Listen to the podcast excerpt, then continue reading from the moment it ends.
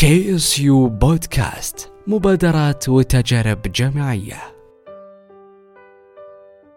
يا هلا وسهلا فيكم مستمعينا الكرام عبر بودكاست الجامعة.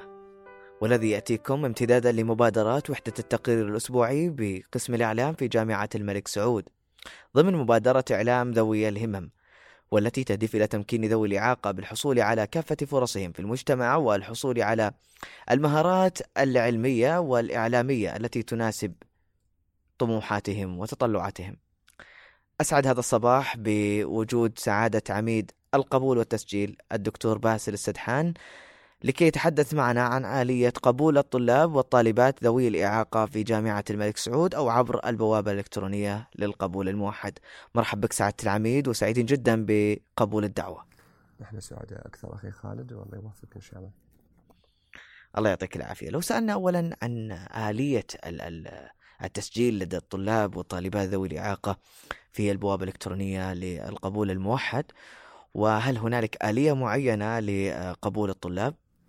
نعم. آه، بسم الله الرحمن الرحيم. آه، طبعا نحرص آه، على خدمة هذه الفئة الغالية من المجتمع من خلال إتاحة الدراسة لهم وفق الضوابط سأذكرها طبعا ابتداء الضوابط اللي هي الضوابط المشتركة بينهم وبين باقي الطلاب مثل الحصول على الشهادة الثانوية وجود درجة اختبار قدرات وتحصيلي وألا يكون مر أكثر من خمس سنوات على دراسته. التقديم يكون عن طريق بوابة القبول الموحد مثل باقي الطلاب. آه، اللهم أنه الطلاب المكفوفين آه، أو أي طالب يرى مركز القياس إعفاء من الاختبار لأسباب صحية أو خلافة فهؤلاء يعفون من درجات من أداء اختبار القدرات والتحصيلي ويكون التقديم وفق آه، نسبة الثانوية. بالنسبة للطلاب الصم وضعاف السمع حيث أنهم يحتاجون إلى تأهيل أكثر للاستعداد الدراسة فهناك بوابة خاصة بهم لبرنامج تأهيلي مدة سنة. بعد ذلك يتم آه، نقل من اجتاز البرنامج منهم إلى آه، السنة الأولى المشتركة. فهؤلاء لهم بوابة خاصة قريبا ستفتح بإذن الله.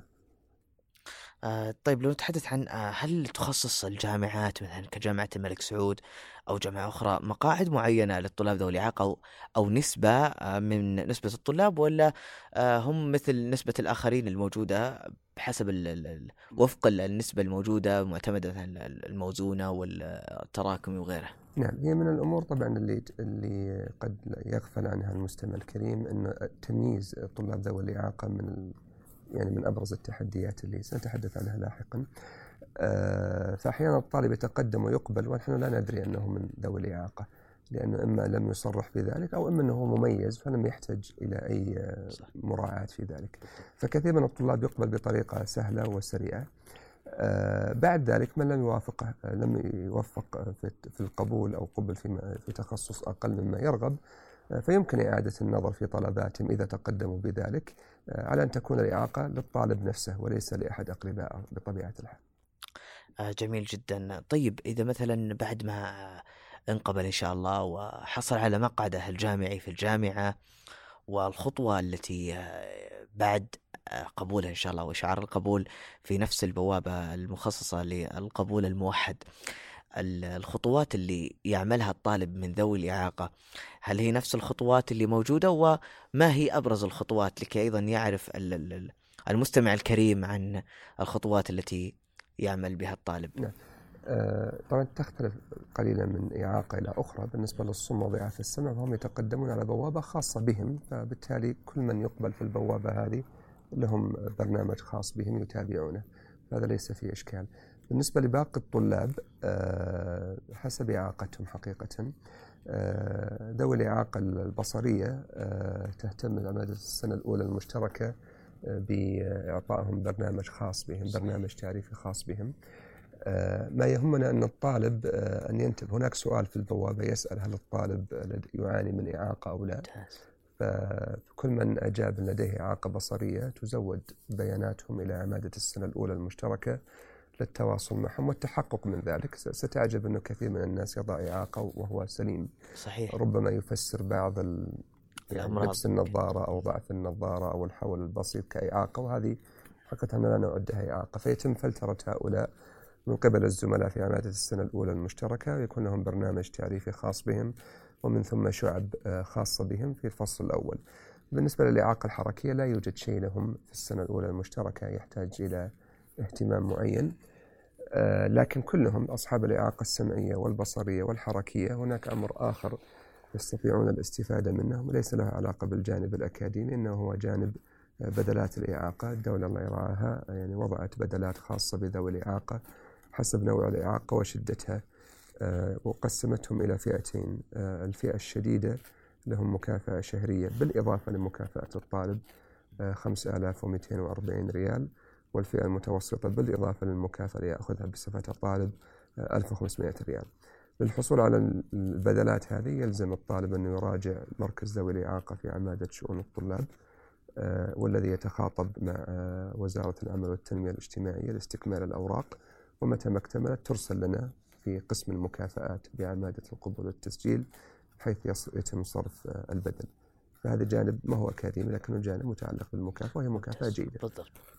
العقبات. أكيد في عقبات تواجهكم كعمادة للقبول والتسجيل ويجيكم بعض المشاكل من التسجيل مثلا من بعض ذوي الإعاقة إنه مثلا عنده إشكالية معينة في التسجيل أو عنده إشكالية معينة في رصد الإعاقة أو عنده آلية كيف العقبات اللي أنتم واجهتوها أو ما هي العقبات اللي أنتم تواجهونها في عمادة القبول والتسجيل من آه، تسجيل لدى الطلاب ذوي الإعاقة والعاديين وأبرز العقبات المهمة جدا. طبعا اللي راح يسمعنا إن شاء الله سواء كانوا من طلاب من ذوي الإعاقة أو طلاب عاديين أيضا ليستفيدوا من عقبات تواجهكم أحيانا في القبول. نعم يمكن نصنفها يعني نوعين العقبة الأولى آه، اللي هي لدينا في العماد العقبة الأخرى يمكن في الكليات. العقبة الأولى اللي هي التعرف على الطلاب آه، يعني آه، نحن قمنا بربط مع بيانات وزارة العمل والتنمية الاجتماعية من أجل التعرف على الطلاب ذوي الإعاقة. لكن لاحظنا أن بيانات وزارة العمل والتنمية الاجتماعية طريقة تصنيفها للإعاقة تختلف عن طريقة التصنيف الذي لدينا. فبالتالي يصعب آه، عمل ما يعني مابينج بين التخصصين. آه، فلذلك لجأنا إلى سؤال الطالب في البوابة. وأيضا نواجه أنه بعض الطلاب يعني آه، في مقتبل عمره ربما لا يركز كثيرا على إجابة السؤال هذا. فنجد مثلا طلاب ليس لديهم إعاقة ويكتبون لديهم إعاقة وبالمقابل العكس. نجد طلاب لديهم إعاقة ويكتبون ليس لديهم إعاقة. إما غفلة أو إما بعض الطلاب لا يرغبون بذكر ذلك يعني ممكن من أجل توسع تخصص أو مثلا يحسب إنه إذا ما سجل إعاقة إنه راح يكون له مميزات أفضل. على الرغم إن الطلاب ذوي الإعاقة في الجامعة ما شاء الله خدمات المقدمة لهم آه، تضاهي الجامعات العالمية دائما ما نراها في جامعة الملك سعود قد أو يكون أو قد يكون لأسباب شخصية إنه لا يريد أن ينظر له إنه له إعاقة أو قد تكون اعاقته بسيطة جدا يعني خاصة الإعاقة الحركية بعض أنواع الإعاقة الحركية طفيفة للغاية لا تؤثر كثيرا يعني في آه، دراسة الطالب. آه، فأحد أبرز العوائق عندنا التعرف عليهم. لذلك إحنا لا نضع طالب يعني لذلك بيانات الطلاب ذوي الإعاقة لدينا في آه، نظام الطلاب أعداد الطلاب أقل قطعا بكثير من أعداد الطلاب الفعليين لأننا لا نقوم بتعريف طالب أن لديه إعاقة إلا بعد تأكد شديد جدا. حاليا الذي يقوم بالتأكد هذا بالنسبة لطلاب البكالوريوس هي عمادة السنة الأولى المشتركة والتركيز حقيقة على تخصصين عفوا على إعاقتين اللي هي الإعاقة السمعية والإعاقة البصرية وسآتي آه، لذلك في التحدي الثاني. بالنسبة للإعاقة الحركية لا نهتم كثيرا بإدخالها لأن الأصل صاحب الإعاقة الحركية متاح له دراسة كل التخصصات ما لم يثبت أن إعاقة الحركية آه، تمنع من الدراسة. بالذات إذا كانت في اليدين وكان التخصص يتطلب جانب عملي. فلذلك الإعاقة الحركية مثلا أنا دكتور في الهندسة سبق درس عندي طالب مقعد لكن يديه طبعا تتحرك بشكل طبيعي. آه كلية إدارة الأعمال تخرج منها طالب مميز جدا صحيح. الفصل الماضي وكان وكان, وكان من مراتب الشرف الأولى وكان لديه أكثر من إعاقة إعاقة في أصابعه وإعاقة أيضا في آه جهاز العصبي فيما أذكر. آه بالنسبة فهذا التحدي الأول فحاليا السنة الأولى المشتركة تقوم بالتعرف على الطلاب بحكم أنها بوابة الجامعة آه، وتدخل الإعاقات. وإذا أدخلت الإعاقات تظهر لأي دكتور في قوائم الطلاب لديه يستطيع أن يبان له إذا عنده طلاب لديهم إعاقة. طبعا إذا الإعاقة مدخلة فهذا تحدي آه، قد يغفل عنه المستمع الكريم لكنه فعلا تحدي كبير. كيف نستطيع أن ندخل أن الطالب إحنا العمادة تتعامل غالبا مع بيانات الطلاب أكثر من الطلاب نفسهم. الطلاب عادة يعني ما يأتون إنما نتعامل معهم إلكترونيا. آه، فهذا هو التحدي آه، الأول. آه، التحدي الثاني يمكن ما هو في الأعمدة تحديدا إنما الجامعة اللي هي ما هي التخصصات المتاحة لطلاب ذوي الإعاقة. وهناك دائما أخذ وجذب آه، بين يعني حتى داخل ال- المختصين في المجال هذا فهل يتاح ما هي التخصصات التي تتاح. حاليا للطلاب المكفوفين تتاح تسع تخصصات آه، كلها في المسار الإنساني. آه، التخصصات هي الدراسات القرآنية آه، مع اشتراط إتقان لغة برايل آه، الدراسات الإسلامية آه، الحقوق آه، العلوم السياسية للطلاب فقط لأن هذا التخصص متاح فقط للطلاب. وفي كلية الآداب التاريخ واللغة الإعراب اللغة العربية والإعلام وعلم الاجتماع والخدمة الاجتماعية. ممتاز. آه، رسالتك لأبنائك من ذوي آه، الإعاقة آه، المقبولين أو المستمرين الآن في الجامعة والخريجين آه، بحكم آه، اتصالك آه، المباشر حقيقة بجميع طلاب الجامعة آه، بمكانتك الاجتماعية أو مكانتك أيضا العلمية في عملية القبول والتسجيل في جامعة الملك سعود. والرسالة الأبوية التي ترسلها لأبنائك عبر بودكاست كيسيو آه، قبل ذلك فقط أضيف أن تخصص طلاب الصم وضعاف السمع آه، أتيح لهم من ابتداء من العام القادم تخصص آه، إدارة موارد التراث والإرشاد السياحي بكلية السياحة والآثار. آه، درس مجموعة من الطلاب الصم الفصل الماضي في التخصص. والكلية يعني أشادت بالتجربة وتم إتاحة التخصص للطالبات. التخصص أصلا كله جديد للطالبات ابتداء وسيكون الطالبات الصماوات هذا التخصص متاح لهم.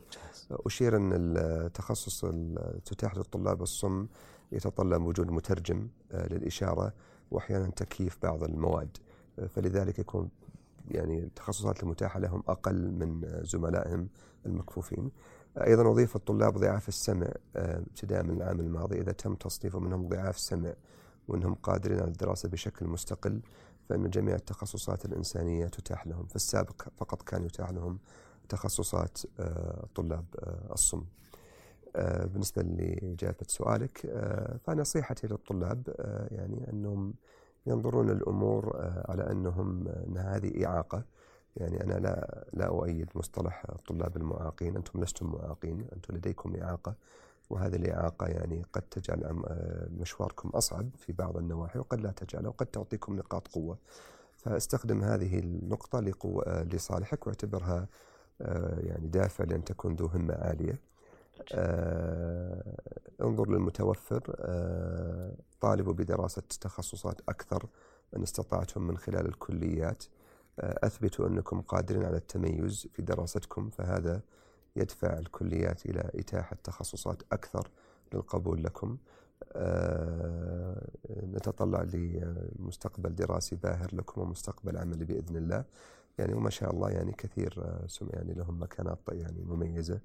يعني وأحدهم من أتحدث معه حاليا أثبت وجوده في أكثر من محفل. الله يعطيك. يعطيك العافية. شكرا دكتور باسل. مستمعينا الكرام ما إن استمعنا إلى قيادة من قيادات جامعة الوطن حتى نرى أن للإبداع تميز وللعطاء إبداع. ادرسوا وتعلموا جامعتكم لكم وأنتم لها. نحن نتعلم من أجل أن نستفيد ونفيد. وطن طموح وعمل مستمر وعطاء لوطن يريد منا المزيد. أنا خالد خبراني كنت معكم في هذه الحلقة من حلقات برنامج بودكاست الجامعة KSU.